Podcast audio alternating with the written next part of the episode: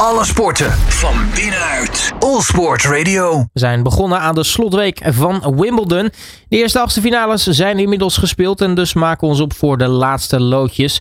Ja, hoe staan we er eigenlijk voor met het toernooi? Wie zijn de favorieten die over zijn en welke verrassingen moeten we in de gaten houden? Daarnaast ben ik eigenlijk ook benieuwd hoe zit het nog eventuele Nederlanders in het toernooi? Nou, ik ga erover in gesprek met tennisjournalist Jon Visbeen. Jon, hele goede middag. Goedemiddag, Robert. Ja, de slotweek van Wimbledon. Sowieso de slotweek van elke Grand Slam is een leuke week. Maar uh, dat uh, geldt sowieso voor deze week, want er gaat echt van alles gebeuren nog, hè? Jazeker. Uh, hè, dat kan, kan, natuurlijk nu alle kanten op. Ze zeggen altijd, ja, nu begint het toernooi. Pas echt, hè, als je de tweede week haalt, dan heb je het goed gedaan. geldt in veel gevallen, maar eigenlijk begint het dan pas. Want ja, een normaal toernooi duurt natuurlijk maar één week. Dus uh, het is nu aftellen naar de finales van komend weekend. Ja, en nu uh, hebben we in de, de eerste week natuurlijk ontzettend veel regen gehad. Heel veel duels uitgesteld. Daar hebben we nu nog een klein beetje last van, hè, met een aantal duels die worden uitgesteld. Ja, dat klopt wel, Robert. Er zijn uh, wat meer wedstrijden eigenlijk dan gepland. door die regen, maar ze zij hebben het bijna helemaal hebben ze de schade ingehaald. Dus meer in de de dubbel uh, toernooien, dat ze wat achterlopen. Uh, er zijn zelfs al wat uh, partijen in de vierde ronde gespeeld. Um, waardoor er dus een paar kwartfinalisten bekend zijn.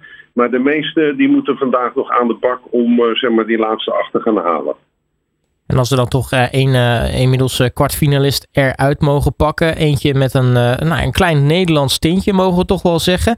in de persoon van Raymond Sluiter is Elina Svitolina. Die is verrassend met een wildcard toernooi binnengekomen. staat nu in de kwartfinale.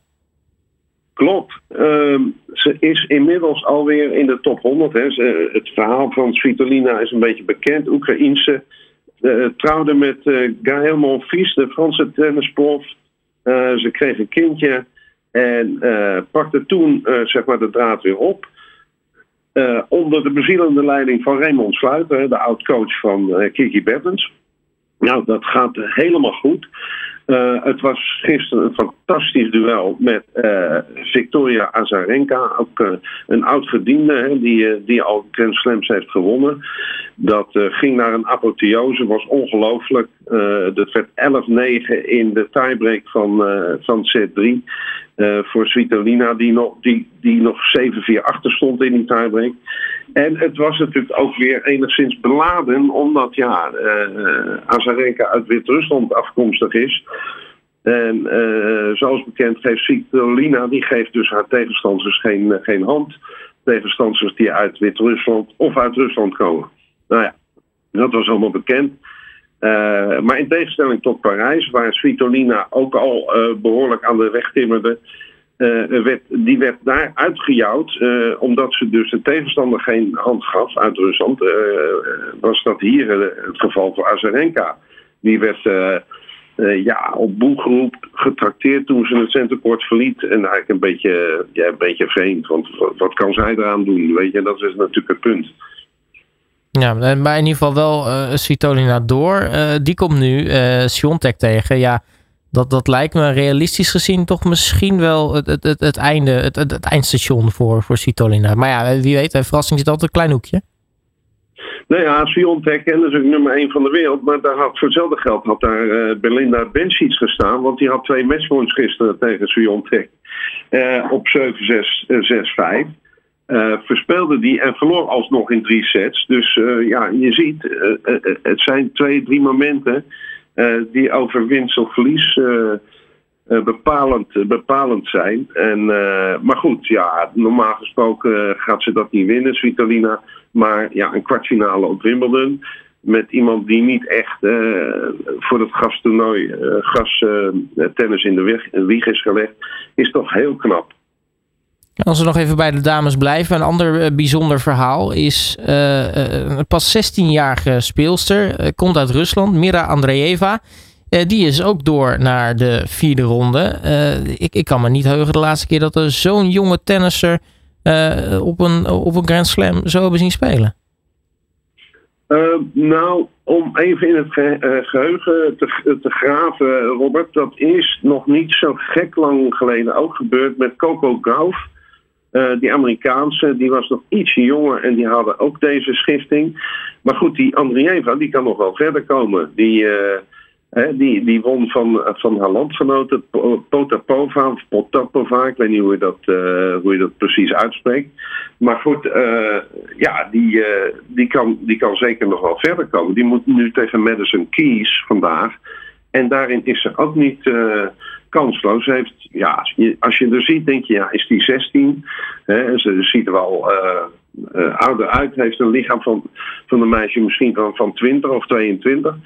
En speelt uh, het spelletje slim. Ze moest door de kwalificatie, heeft nu zes partijen op rij gewonnen. En is inderdaad een, uh, ja, een grote belofte voor de toekomst.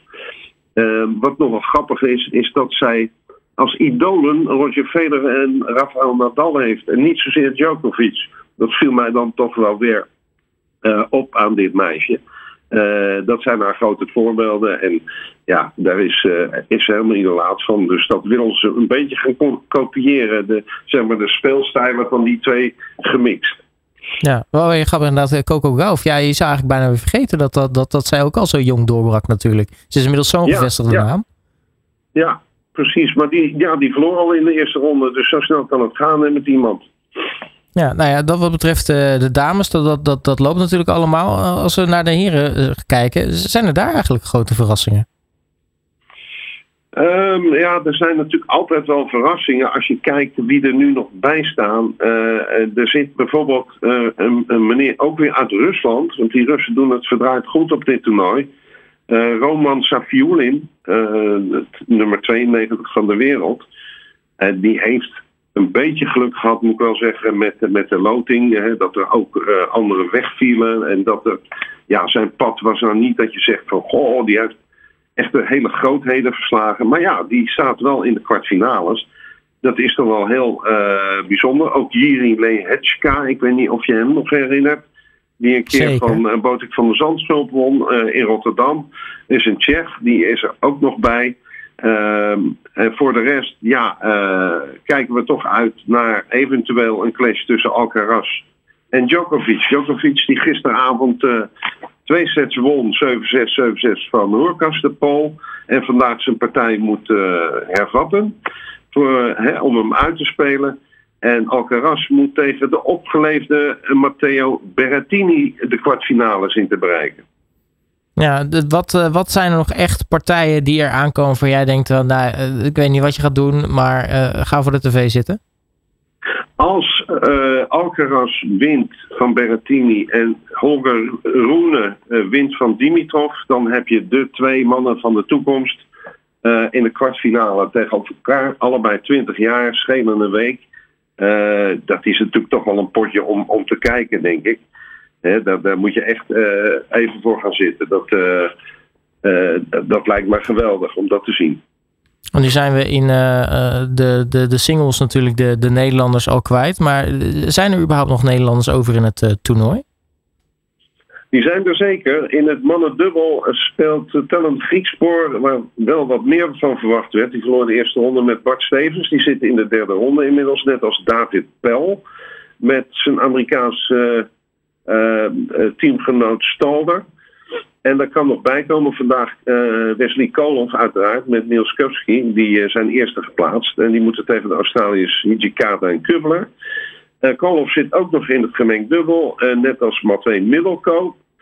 En we hebben twee jongens bij, het, bij het juniorentoernooi die in de tweede ronde staan. Thijs Boogaard, een groot talent en Mees Rutgering. Dus uh, die moeten vandaag ook nog.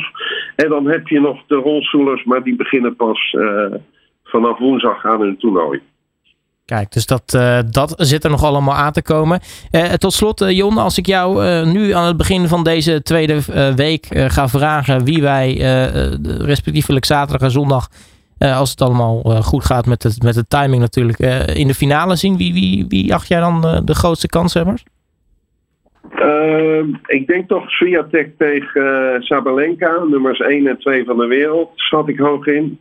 En ik hoop eigenlijk op een Alcaraz Djokovic, die een beetje de mist in ging, die wedstrijd in, in, in, in Parijs. Maar Alcaraz heeft een nummer 1 positie weer overgenomen van Djokovic. Het zou mooi zijn als die jonge Spanjaard revanche kan nemen in, op Wimbledon. En uh, verder moet ik nog even melden dat er ook een internationaal toernooi in Nederland is, in Amstelveen deze week, een vrouwentoernooi. Uh, waar Christy Bogert, jou wel bekend toernooidirecteur is. En waar toch ook heel, heel leuk tennis te zien is. Nou, ik zou zeggen, ga daar dan ook lekker naartoe. Dat een goed potje tennis dicht bij huis. Hartstikke goed. Jon Visbeen, mag ik je hartelijk danken voor je tijd en spreek je natuurlijk snel weer. Graag gedaan, Robert. Alle sporten van binnenuit. All Sport Radio.